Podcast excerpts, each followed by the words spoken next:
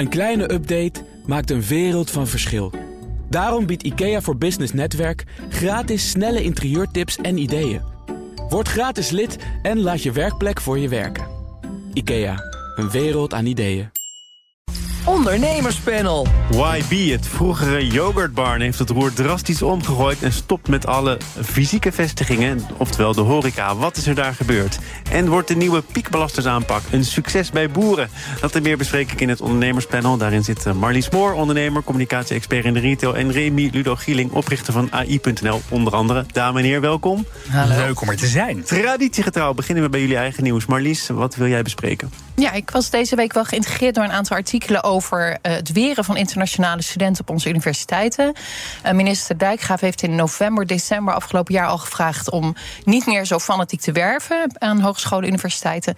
Nou, daar komt hij nu weer op terug. Twee redenen. Huisvesting is ontzettend moeilijk. Komt 40% van de eerstejaars is internationaal. Onze eigen Nederlandse studenten vinden daardoor heel moeilijk een plek om uh, als student te gaan leven.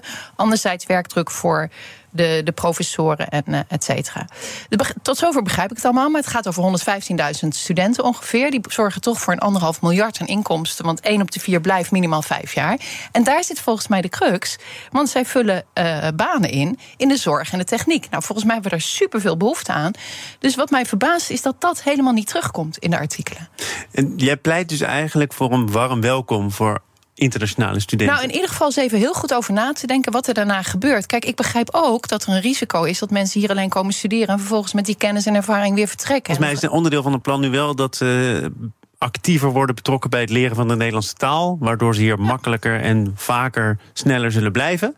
Ja, wij zijn de schijn in Europa het land met de meest Engelstalige opleidingen. Dat hoeft nou toch ook weer niet. Het is ook nog wel prettig als je gewoon in Nederlands les uh, kunt volgen. Ik, ik, kwam het woord uh, capaciteitsfixes tegen. Dus uh, om ervoor te zorgen dat iedereen keurig met en naast elkaar kan studeren... en die Nederlandse student niet de dupe wordt of wordt weggedrukt... moet je toch kijken wel naar maximaal haalbare aantallen? Of zeg je, nee, je moet daar niet zozeer naar kijken. Je moet kijken naar onze arbeidsmarkt en iedereen is daar keihard nodig. Ja, dat laatste denk ik. Ik denk dat de ondernemer Nederland zit te springen om goede mensen. En dat dat zeker mee moet spelen. En dat kom ik weer bij een onderwerp wat ook deze afgelopen twee weken weer terug om de stap, uh, het stapbudget. Dan denk ik, zorg in ieder geval dat die mensen opleiding gaan doen waar ze vervolgens mee aan het werk kunnen. Waar we grote gaten ja, hebben. Die stapregeling, daar hoef je niet al te lang meer rekening mee te houden. Nee, okay. Want uh, die wordt over. Uh, volgens mij. Nou, drie rondes volgens kilt. mij hoor, dit jaar. Nou, het UWV maakt zich daar trouwens ook zorgen over. Want die zegt ja, misschien is dat niet allemaal even doelmatig. Maar er wordt in ieder geval nu iets gedaan aan ontwikkeling van mensen. Ja. Dus gooi hem niet te snel weg. Nou goed, dat terzijde. Wat je misschien ook niet moet weggooien, dat is AI. Maar je moet er wel goed over nadenken, Remy. En dat gebeurt op alle niveaus. Ja, gisteren hoog bezoek in het Witte Huis. Kamala Harris, de vicepresident. Die had uh, ontving de topmannen van onder andere Google, Microsoft, Sundar Pichai, Satya Nadella, de OpenAI, de topman Sam Altman en nog een paar andere houten methoden. Om in het Witte Huis te gaan praten over nou, hoe ze technologie gaan ontwikkelen die wel een beetje aligned is, die wel een beetje in lijn is met de menselijke waarden zoals wij dat allemaal zouden willen. Maar dat vinden ze zelf toch ook belangrijk? Roept de een na de ander. Dus dat hebben ze misschien ook aan Harris duidelijk gemaakt. Ja, dat vinden ze zelf ontzettend belangrijk. Moeten Alleen... ze anders zeggen? Nee, dat vinden we niet belangrijk. Nee, dat vinden ze zeker belangrijk. Maar uh, er is ook wel een kanttekening te maken. In de Europese Unie wordt op momenteel de AI-act uh, uitonderhandeld. Hè. Welke regels gaan wij stellen aan AI? En specifiek ook die grote taalmodellen zoals ChatGPT, de technologie die daar onder schuil gaat. En er is gebleken dat een aantal lobbyclubs, waar onder andere ook die grote techgiganten als Microsoft in zitten, dat die heel erg hard aan het lobbyen zijn om maar niet te hard uh, uh, ja, geaudit te hoeven worden. Dat ze niet te, veel gecontroleerd hoeven te worden. Ze zeggen nee, wij maken gewoon de basistechnologie en gaan nou gewoon de bedrijven controleren die daar gebruik van gaan maken. Ik ben niet heel erg geschokt door, door hoe het nu gaat, Rebi. Nee, ik denk het ook niet. Dat is veronderstelling dat het inderdaad van tevoren al kun je bedenken dat het hun om het businessmodel gaat en niet om of het allemaal ethisch totaal verantwoord is. Daar proberen ze toch een beetje in te in, van links naar rechts te schuiven, vind ik. Ja, nou goed, maar ik, het, dat, is zeker, dat is zeker waar. Maar ik vind het wel een, een, een fascinerend spel wat er nu gespeeld wordt. Hebben ze nou gezegd uh, op dat Witte Huis tijdens dat bezoek dat zij hun modellen gaan openstellen voor onderzoek? Ja, wat ze gaan doen is, er is binnenkort een grote hackersconferentie in Las Vegas. En daar, gaan, daar kunnen, kunnen, kunnen, ja, kundige techneuten kunnen hun... Mogen proberen. Ja, kunnen gaan prikken in die, in die modellen. Daarnaast komt ook 140 miljoen beschikbaar voor ja, onderzoeksinstellingen. Heel erg transparant. Het is wel transparant. Ik denk dat het ook wel nodig is. Want kijk, de, die modellen die gaan natuurlijk een heel groot. Ja, die, die taalmodellen zoals ChatGPT. Het is nu een soort van leuke spielerij voor veel mensen. Maar de fundamentele technologie gaat in, eigenlijk in elk softwareproduct zitten. die wij vandaag de dag gebruiken. Ja. Dus het is wel handig als we met z'n allen weten wat daar aan ten grondslag ligt. Ja, en dat hebben ze tot nu toe nog niet vrijgegeven. En ik denk dat het goed is dat we daar met z'n allen wel iets meer duidelijkheid over krijgen. Welke, welke concrete toepassingen zie jij al in de zorg onder andere? Nou, we hadden het net over. Er was van de week ook een artikel over. Een, eh, er was een van de onderzoeken gedaan. eh, Vragen vanuit patiënten aan reguliere artsen. Vragen vanuit patiënten aan ChatGPT. En die antwoorden werden beoordeeld weer door een andere groep artsen. En toen bleek dat ChatGPT veel empathischer was in zijn antwoorden. En 85% correct ook op de inhoud. En daar staken de reguliere artsen echt wat simpel bij af. Maar ik zei net al, ik weet niet hoe representatief dat onderzoek was. Maar ik zie daar absoluut, zeker voor die eerste triage, voor die eerste simpele van eh, dokter, moet ik, of moet ik naar de dokter, ja of nee? Daar ligt echt wel eh, mogelijkheden, absoluut. Ik geloof erin. Nou, Ja, de oprichter van AI.nl zal dat alleen maar beamen, toch? Amen. We gaan naar de Europese Commissie. Eh, kwam afgelopen dinsdag met groen licht voor de regeling waarmee boeren die veel stikstof uitstoten kunnen worden uitgekocht. En daarmee wordt het startschot gegeven om daadwerkelijk stappen te ondernemen in dat veel besproken stikstofbeleid. Denk jij, Marlies, dat er veel boeren zijn die zeggen: ik krijg nu 120% van de waarde van mijn bedrijf? Ik ga akkoord. Ik hoop het. Ik vind het wel goed dat er eindelijk eens iets gebeurt. Want we blijven maar praten en praten. En je weet dat ik dat haat. En ik vind dat er gewoon actie ondernemen moet moet worden. We hebben dat probleem. Boeren zijn ondernemers. Ik begrijp dat ze een termijn moeten hebben om op een nette manier hun bedrijf om te, eh, te katten of wat dan ook nodig is. Of in, of in het ergste geval ermee te gaan stoppen. Ik vind dat de overheid hun al heel ver tegemoet komt. Want ik weet niet hoeveel ondernemingen jij kan opnoemen. waarbij gezegd is van ja, de omstandigheden veranderen. maar wij gaan nu 120% betalen als u ermee stopt. Ik, Ik weet ook niet hoeveel bedrijven er zijn waarmee de overheid zich zo intensief bemoeit en zegt: eigenlijk kan het niet meer voor jou. Ik, het, aan de ene kant hoor ik boeren met heel veel passie en dat doet pijn in mijn hart. Ik hoor dan weer een verhaal dat er heel veel miljonairs zijn, maar dat zit natuurlijk in die grond. Eh, anderen zeggen weer, we, hebben, we leven onder het bestaansminimum, maar het is onze passie, ik wil dit blijven doen. Ik zie het gewoon als ondernemerschap. Je neemt risico's, je maakt keuzes. En ik eh, hoop dus echt dat een aantal boeren hier gebruik van gaan maken. Remy, wat denk jij? Animo? Want LTO Nederland heeft gezegd: het is wel de beste regeling tot nu toe. Ja, ja ik, ik vind het, het is sowieso natuurlijk een, he- een beetje open deuren. Hele lastige discussie. Het gaat over heel veel verschillende ondernemers die we nu onder één grote paraplu hangen. Dus ik vind het heel moeilijk om in het grote geheel daar wat van te zeggen. Waar Maar die piekbelasters, dat heeft dan te maken met hoeveel stikstof zij uitstoten. Nou, precies. En maar waar ik, wat ik een beetje misschien miste in de discussie, of wat ik graag had willen terugzien, is het, ehm, eh, de mogelijkheden tot transformatie. Hè. Dus we hebben het nu natuurlijk heel erg over, over, over, over stoppen, uitkopen.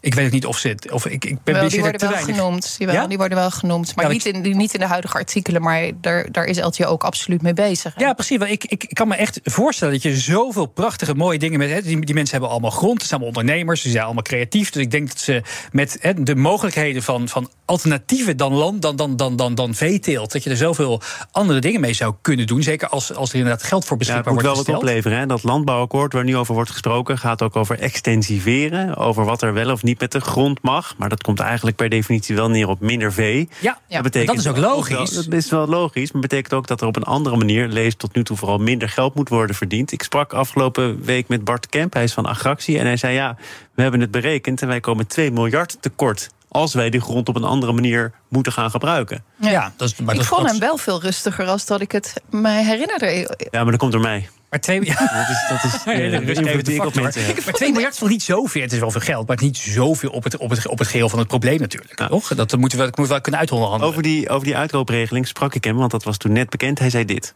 Ja, kijk, eh, het is nog een klein beetje koffiedik kijken. Maar ik verwacht dat de boeren die willen stoppen... eh, met die 120% uit de voeten kunnen. Wat wel beperkend is, is dat die maar heel kort open gaat. Die regeling die gaat maar drie kwart jaar open. Terwijl heel veel boeren die willen nou ja, ergens de komende jaren stoppen. Eh, ongeveer 3% per jaar. Nou, Remy, je bent 50. Er is niet per se meteen een opvolger. Nee. Je wil het er nog wel even op wagen. En je moet dan toch binnen uh, wat Bart Kemp zegt, uh, drie kwart jaar beslissen, ga ik door of niet? Ja, dat, dat, lijkt, me, dat lijkt me prima, weet je wel. Het is prima om een keer het wordt een stok achter. Ze ja, zeggen nu al, het wordt langer dan... Ja, het is prima om een keer, weet je, je moet een keer een datum stellen. En wat ik al zeg, ja, het is, je, je, je, hebt, je hebt zoveel talenten als, als, als mens en organisatie in kennis creëren. Het is echt niet zo dat je bent beperkt tot het ene kleine stukje van jou, van jou van, van het bedrijf. Je kan toch ook niet zeggen van nou probeer het nog even. Want vorig jaar hadden ze een heel goed eh, jaar en ze hebben veel geïnvesteerd in nieuwe machines. Ik begrijp het als ondernemer dat het onwijs pijn doet. Maar het is ook weer niet zo dat je zegt nou de komende jaren kijk maar. En als je dan op het moment komt nou nu hebben we een rotjaar. Misschien maak je dan gebruik van die regeling. Dat gaat toch niet? Hoeveel mag je verwachten van innovatie? Iets waar Bart Kemp van Agractie natuurlijk ook volop wil inzetten. Maar waarvan die juridische houd en haalbaarheid dan weer ter discussie staat. Mag je daar toch nog weer wat langer de tijd voor nemen om dat helemaal uit te laten kristalliseren? Ik denk dat er al de afgelopen jaren heel veel goede initiatieven zijn geweest op dat gebied. Eh, je ziet best wel voorbeelden langskomen van stallen die helemaal op innovatieve wijze nieuw. Uh, met ook langetermijn gedachten erachter begonnen zijn. Daar zou ik absoluut naar kijken en kijken of je dat kan uitbreiden of upscalen. Nou, want jij uh, bracht dat hierin, toch? Kijk naar wat, er anders kan dan uitkopen. Daar hoort dus ook innovatie bij. Innovatie. Kijk maar, dus niet alleen maar in de veeteelt, maar ook daarbuiten. Kijk, naar de assets die je hebt, naar de kennis die je hebt, naar de, de, de, het land. Wat, ik, ik heb een keer, hè, dus een, weer wederom anekdotisch voorbeeld. Maar uh, iemand die had, een heel, uh, had zijn land getransformeerd naar een soort, ja, een soort avonturenpark voor, voor, voor, voor, voor, voor kinderen. Met allerlei, met allerlei meetingcenters erbij. En het was enorm, ja, dat liep eenmaal storm. Die, die hadden een enorm maar er wordt weinig verbouwd. Hè? Dan, dan moet je dus eh, weinig ambities hebben op het gebied van zelfvoorzienendheid, bijvoorbeeld. Precies, je eigen voedsel. Precies, maar dat kan, dat kan de andere misschien weer oppakken. Als je daar je ambities ligt, kan je kijken van welke, welke mogelijkheden zijn daar weer. Ik denk, ik, ik, ik, ik denk niet dat zozeer in die beperkingen. Denk vooral een keertje met z'n allen wat kan er wel. op het ondernemerschap inhoudt. De wereld verandert om je heen en je moet gewoon mee. En je, ja, je moet maar, het is wel goed, ja, maar het is wel goed dat er een budget voor beschikbaar is. We gaan naar een bedrijf dat uh, ook meegaat in die ontwikkeling. En of dat nou een goede ontwikkeling is of niet, dat laat ik aan jullie over. BNR Nieuwsradio. Zaken doen. Thomas van Zeil. Het ondernemerspanel is het gast Marlies Moor en Remy Ludo Gieling. Alle horecavestigingen van YB, voorheen de Yogurtbarn, zijn permanent gesloten, meldt het bedrijf afgelopen maandag. YB gaat nu verder als leverancier van plantaardige producten, maar dat ligt niet geheel in lijn met die grootse plannen. Krap een jaar geleden nog aangekondigd. En Remy, jij was overtuigd. Ja, weer een investering uit de BV Gieling die het, uh, die het, uh, die, het uh, die, die, die, die, ten einde gaat. Ik zeg wel eens gekscherend, als ik erin stap, ren, ren gillend, gillend weg. Behalve bij AI dan weer toevallig. Nee, ja, ik, ik, ik had meegedaan met die, met die sharefunding campagne afgelopen jaar. Nog wat losliggende euro's erin gegooid. En ik was wel verbaasd door de mail die inderdaad afgelopen week op mijn digitale deurmat viel. Nou, je hoeft hem hier niet helemaal voor te dragen, maar wat was de strekking? Uh, ja, dus, dus, nou ja, het bedrijf zoals we het kennen, de, van, de, van, de, van de winkels met, uh, met frozen yoghurt, maar dan niet de yoghurt zoals we het kennen, maar plantaardige yoghurt. Ja, dat stopt ermee. En ze gaan een soort van ja, label beginnen, een adviesbureau bijna, om uh, andere bedrijven te helpen om ja, te verduurzamen. Je, ja, je, je, hebt al die start-ups voorbij zien trekken. Je bent lang hoofdredacteur geweest van Sprout, nog altijd zeer actief. Je weet dus, denk ik dan een beetje, hoe je zaken moet wegen. Overigens, ik zei de gek, ik heb het ook wel eens verkeerd. Maar waarom ben jij hierin gestapt? Ja, ik, ik geloof altijd wel als, als, als mensen heel gepassioneerd ergens over zijn. En ze waren ook al twaalf jaar bezig, hè? Ik bedoel, het is niet zo dat ze. Het is niet de start-up die even begon. hier bij Philips. Hij wist echt wel waar hij het over had. En 100% plantaardig, zoals ze uiteindelijk kwamen, vond ik ook echt een goed ja, verhaal. het is echt waar de wereld naartoe gaat. Uh, uh, ze hadden, het was een grote organisatie het argument wat er dan nu komt, waarom ze stoppen, van ja, de, de coronaperiode heeft ervoor gezorgd dat, dat de consumenten niet meer naar de winkelstraten gaan. Uh, en daarom moeten we in één keer die twaalf vestigingen sluiten. En ook het hoofdkantoor eh, is uh, inmiddels leeggeruimd, begreep ik. Ja, dat vond ik een beetje een. een, een, een, een, een noodsprong. Ik denk toch ook wel een beetje een noodsprong. Ja, maar ik vond het ook een, een, een, vreemde argumentatie, eerlijk gezegd. En niks tegenover over Wouter en zijn team. Ze zullen ongetwijfeld goede, goede, goede intenties hebben gehad. Maar ik had wel ergens wat vragen her en der nog. Zelfs na het lezen van die prachtig opgeschreven mail. En wat vind je dan van nu wat, wat de plannen zijn? Hè? Enerzijds franchise, dus de formule mag door, winkels mogen open, maar dan hè, binnen, uh, onder een, een franchise-label. Daarnaast het richten op de bedrijfskatering met impact. Hè? Dat is dan wat ze ook willen doen. En daarnaast ook nog die eigen productie, uh, die 100% plantaardige croissants en, en patisserie die ze willen verkopen aan retail. Ik vind het nog zoveel sporenbeleid. Ja, dat heb ik dus ook een beetje. Weet je, uh, we geloven natuurlijk altijd wel, je hoort altijd in ondernemersland focus, focus, focus, focus Ja, ik vind het heel vreemd. Weet je, uh, ik denk ook eerst van, uh, ga nou eens eventjes... Uh, het is op zich goed dat je, denk ik, de, de, de, de investeerders erachter... of en ook de consumenten een soort perspectief biedt. Uh, maar ik vind het wel heel snel gaan. Zo van, oh ja, dit hoofdstuk is afgesloten, trouwens alle winkels zijn dicht... en nu gaan we uh, uh, 180 de andere kant op. Wat, wat had er dan moeten gebeuren? Hij had toch nog met een paar vestigingen doorgemoeten. Ik weet niet, wat, ik, ik weet niet of nou dat ja, goed, kon. Jij, ik, jij, ik jij vind bent het, erin gestapt, dus ik, misschien had je ook nog ideeën over... wat dan het beste zou zijn voor het bedrijf. Nee, maar ik vind het, ik vind het, het komt nogal rauw op mijn dak vallen. Ik denk, nou ja, weet je, moet je, moet je nou in één keer dat hele bedrijf opdoeken? Ik bedoel, je hebt een jaar geleden heb je echt best behoorlijk wat funding opgehaald. Wat heeft allemaal, toen opgehaald? Ja, hoeveel was het ook alweer? Nou ja, Uh, uh, 8 ton, 9 ton. En hij was een plan om het vaker te doen. Hè? Want hij, uh, ik heb zijn interview met Sprout er nog even bijgepakt. Ja. Ieder jaar wilde hij twee keer een tranche van een half miljoen ophalen. Via sharefunding. Want dat was het model waarin hij ja, geloofde. Konden we het allemaal konden we ervan mee profiteren voor een betere wereld. Nou ja, je hoort, je hoort, het, je hoort, het, je hoort het, het, het, het mooie verhaaltje al vaker. Ja, ik, ik kan me toch niet voorstellen dat, dat daar niet een of ander iemand met een financieel diplomaatje ja, op heeft gezeten. Dat, is, dat dacht ik die ook. heeft gezegd: hey, van jongens, dit gaat niet, helemaal de, ja. gaat niet helemaal de goede kant op. Uh, dus ja, ik, ik, ik ben een beetje moe van, van, van, van een soort van uh, uh, die megalomane plannen. En dan heb ik toch een beetje het idee dat je niet de hele waarheid of zo aan het vertellen bent. Dat is niet alleen hier, maar ook bij, ook bij, bij, ook bij In welke bedrijven zit je nog meer? Want dan weten we waar we rekening mee moeten houden. waar we niet in moeten investeren. ik, zat net, ik zat net op met een Giro-accountje dat ik GitLab aandeeltjes weer waren Voel je je een beetje bekocht of niet? Ja, ik vind het. Nou, weet je, ik had echt een minuscuul aandeeltje hierin. Dus uh, bij mij gaat het echt, echt om, om, om sprokkel-euro's. Dus uh, uh, bij mij is het niet zo erg. Ik, ik vind alleen. Ik vind het zo jammer. Ik denk, jongens, we, wees nou. Ik heb het idee dat. dat, dat ik heb niet het idee dat als, als je dit in een, als je in, sorry, nog een keertje. Als je zoveel geld ophaalt en binnen een jaar moet je deze stappen zetten, dan gaat er echt iets structureel mis in je organisatie. En dan mag je echt wel wat, wat, dan mag je echt wat meer het boetekleed voor ja. aantrekken. Dan dat je zegt, dit is ons overkomen. Dat frustreert me gewoon enorm. Het overkomt je niet. Je bent er zelf. Nou, je maakt zelf deze keuze. Ja. uh, nog, nog heel even hoor. Ter verdediging en overigens ter informatie. Wouter Staal komt hier volgende week zijn kant van het verhaal toelichten. Ja, maar hij zegt, wij zijn tot de, de conclusie gekomen... dat dit een hele dure tak van sport is. Zeker gezien corona, mensen kwamen niet meer. Nou, daar kun je over twisten. Maar, zegt hij ook, we kunnen op een andere manier... door zaken te doen met horeca of leveranciers... net zo'n grote impact bewerkstelligen... zonder die torenhoge rekening. Is ja, dat misschien, niet als hij, misschien, misschien als hij het zelf gaat toelichten. Want dat is eigenlijk wat je mist. Je mist de uitleg, je mist het waarom. Nou ja, dat stond wel in die, in die enorm lange mail. Maar ja, ik denk ook al. Het was ook alweer heel veel. Hè, het is allemaal de schuld van corona. Maar ik denk, jongens, een jaar geleden was corona al praktisch klaar. Hè, dat ja, laten we wel wezen. alleen nog. Um, uh, dus dat je geld gaat ophalen en vervolgens nu nog dat nog een beetje. Het klinkt een beetje als een corona-schwalbe. Die is nieuw. Een corona-schwalbe. Marlies, doe jij het wel eens dat je denkt... nou, ik heb nog wat sprokkel-euro's, ja, ja, zeker, bedrijf. Ja, zeker. Daar, daar hadden we het net over. Zelfs nog met de HEMA. Oh, de HENA, het, uh, het enige Nederlandse alternatief. Marlies, die is ook nooit gekomen. Ja, ja en Brand Mission, dat, uh, dat loopt wel heel goed. Dat zijn winkels die al heel veel jaren bestaan... en helemaal duurzame kleding doen. Dat was dan uh, absoluut wel een goede. En de, de verpakkingssupermarkten, die gingen ook niet helemaal goed. Zonder, zonder verpakking. Ja, Pot, oh, ja. Nee, maar ik, ik wil er één nog even toevoegen. Ik, het, is, het is echt, weet je wel, ze hebben twaalf jaar echt iets heel... twaalf jaar ging het best de goede kant op. En ik denk met de kennis en ervaring, met het team... dat ze er ook echt wel iets voor kunnen maken... Maar ik, in, de, in, in, gewoon in de communicatie, hoe je dit hebt aangepakt, had je het even wat anders moeten doen. Uh, nog, nog heel even, want uh, ik, ik vind dat fascinerend. Ik doe dat eigenlijk nooit. Hè. Ergens nog wat geld in stoppen omdat ik het sympathiek vind. Is het bij jou dan ook baat het niet, gaat het niet? Of doet het wel eens pijn? Het is, het is, nee, het doet geen pijn. Want dat soort dingen moet je altijd alleen maar doen met geld wat je niet merkt als het weg is, toch? Ja. Zo is mij geleerd. Ja, ja anders... Maar ik vind het wel jammer. Ik vond Piet Pot ook een geweldig verhaal. Ik geloofde erin. Ik denk dat gaat gewoon gebeuren. En het was meer meedoen, precies wat jij zegt met sprokkel-euro's. Gewoon een, een steuntje in de rug voor het idee, meer dan, dan in het bedrag. Ja, en jammer als het dan niet lukt. Ja, maar je ziet het de laatste tijd wel vaak gebeuren. En ik, ik denk dat het ook niet goed is voor de. Ik denk dat het de crowdfundingmarkt niet in het goede daglicht. Ik denk dat het echt wel. Dat, dat door dit soort dingetjes. Ja, je hoort het nu de laatste tijd steeds vaker. Ik denk wel dat mensen voorzichtiger gaan zijn met, uh, met dit soort projecten zomaar te funden. Bij crowdfunding weet je toch ook wel dat het mis kan gaan. Je bent een fan van het eerste uur.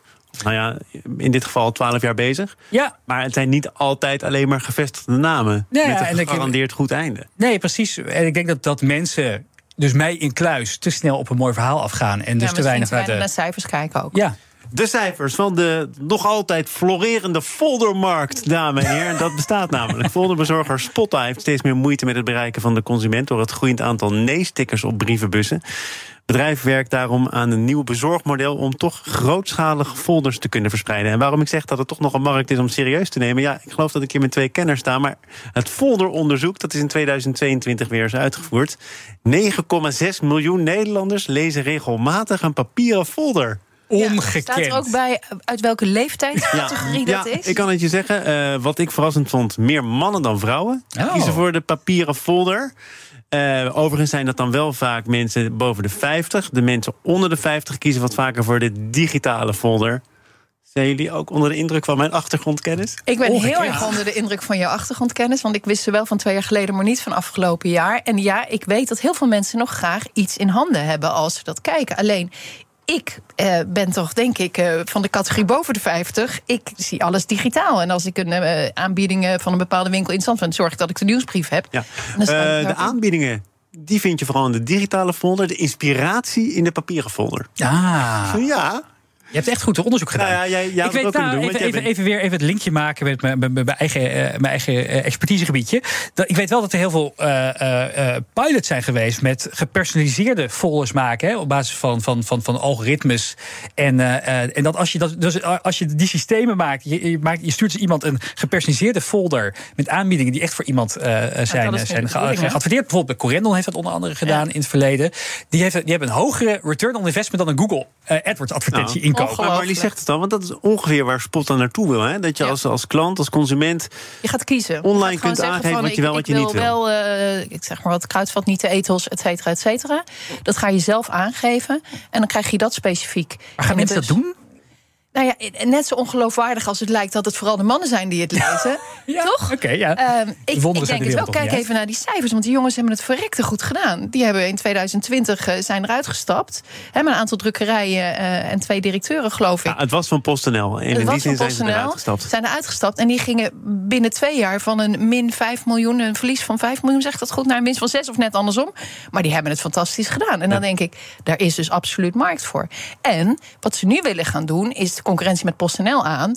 Lijkt me prima. Maar overigens, ja, het, blij het, zijn. eh, ik, het klinkt nu net al- alsof die folder eh, altijd here to stay is. Maar ze doen dit natuurlijk wel omdat ze problemen tegenkomen. Namelijk, wij komen dan langs. En eh, eigenlijk voor Jan Joker, want eh, er zitten overal van die stickers. Mensen willen ons. Ja, maar ze gaan denk ik wel verschuiven richting magazines, et cetera. hè. Dat is wat ze willen gaan doen. En dat is natuurlijk weer een hele andere markt die, die nu bij PostNL ligt. En daar willen zij ook een hap van die taart, of een stuk van die taart. Ik zat gisteren even in de buurt een rondje te lopen. Ik zat even te, op te, ik zat even te kijken, hè? even een, een NS1-onderzoekje. Maar inderdaad, voorbereiding, Ja, eh. toch inderdaad wel 80% van die brievenbussen hadden zo'n mooi nee-nee-sticker erop zitten. Ja, in Amsterdam. Ik geloof niet dat er nog iemand is die zo'n ingesield pakket op de, bus wil, op de, op de mat wil. Maar, ehm, Maar ik, ik volgens heb mij toch moet je in bepaalde gebieden hun... moet je juist aangeven dat je die folder wil. Dus ook als je niks doet, krijg je hem niet. Nee, dat is nu. Dat is omgedraaid. Hè, Ja, paar jaar vind ik op zich ook wel een Ja. mooier idee inderdaad. Hè? Ja. Maar ik heb wel bewondering als ik naar de cijfers kijk. Ik vind dat knap. En eh, wat ze nu doen, ja, ik denk eigenlijk, hmm, ik moet het nog maar zien. Maar ik denk dat ze best wel weten wat ze doen. Want dit zijn wel eh, slimme. Maar Ja, er is natuurlijk echt wel een markt voor. In de wereld waar er steeds meer online gebeurt... eh, en iedereen helemaal dood wordt gegooid met, met bannering... En, en, en e-mailtjes met aanbiedingen... ja, het, is natuurlijk, heeft, het heeft natuurlijk toch wel iets... als, als mensen er ook echt op zitten te wachten... Ja. dat jouw eh foldertje met je logo en al je aanbiedingen... gewoon Maar, maar op de klopt, bus- hè, ze willen het nu wat gaan uitbreiden. Ja, van omdat folders ze- naar magazine naar pakketten. Ja, precies. En dat betekent dan dat PostNL niet langer meer alleen eh, het voor het zeggen heeft. Eh, De hegemonie moet dan, dan doorbroken worden. Maar dat betekent ook dat de postwet moet worden aangepast. Wat ik Dus- vooral Ja. opvallend vind daarin... is dat ze dat niet even in het contractje hebben afgetikt. Dus je verkoopt de organisatie... eh, en, en, concurrentie. en geen concurrentiebeding erin zitten. ik, denk, en- ik denk dat, de, dat het poststel die misschien wel denkt... Oh, hm. Ja, niet zo slim gedaan. Maar ik zie wel echt een, een flinke bobbel, hobbel. ehm, namelijk in de contracten met de bezorgers.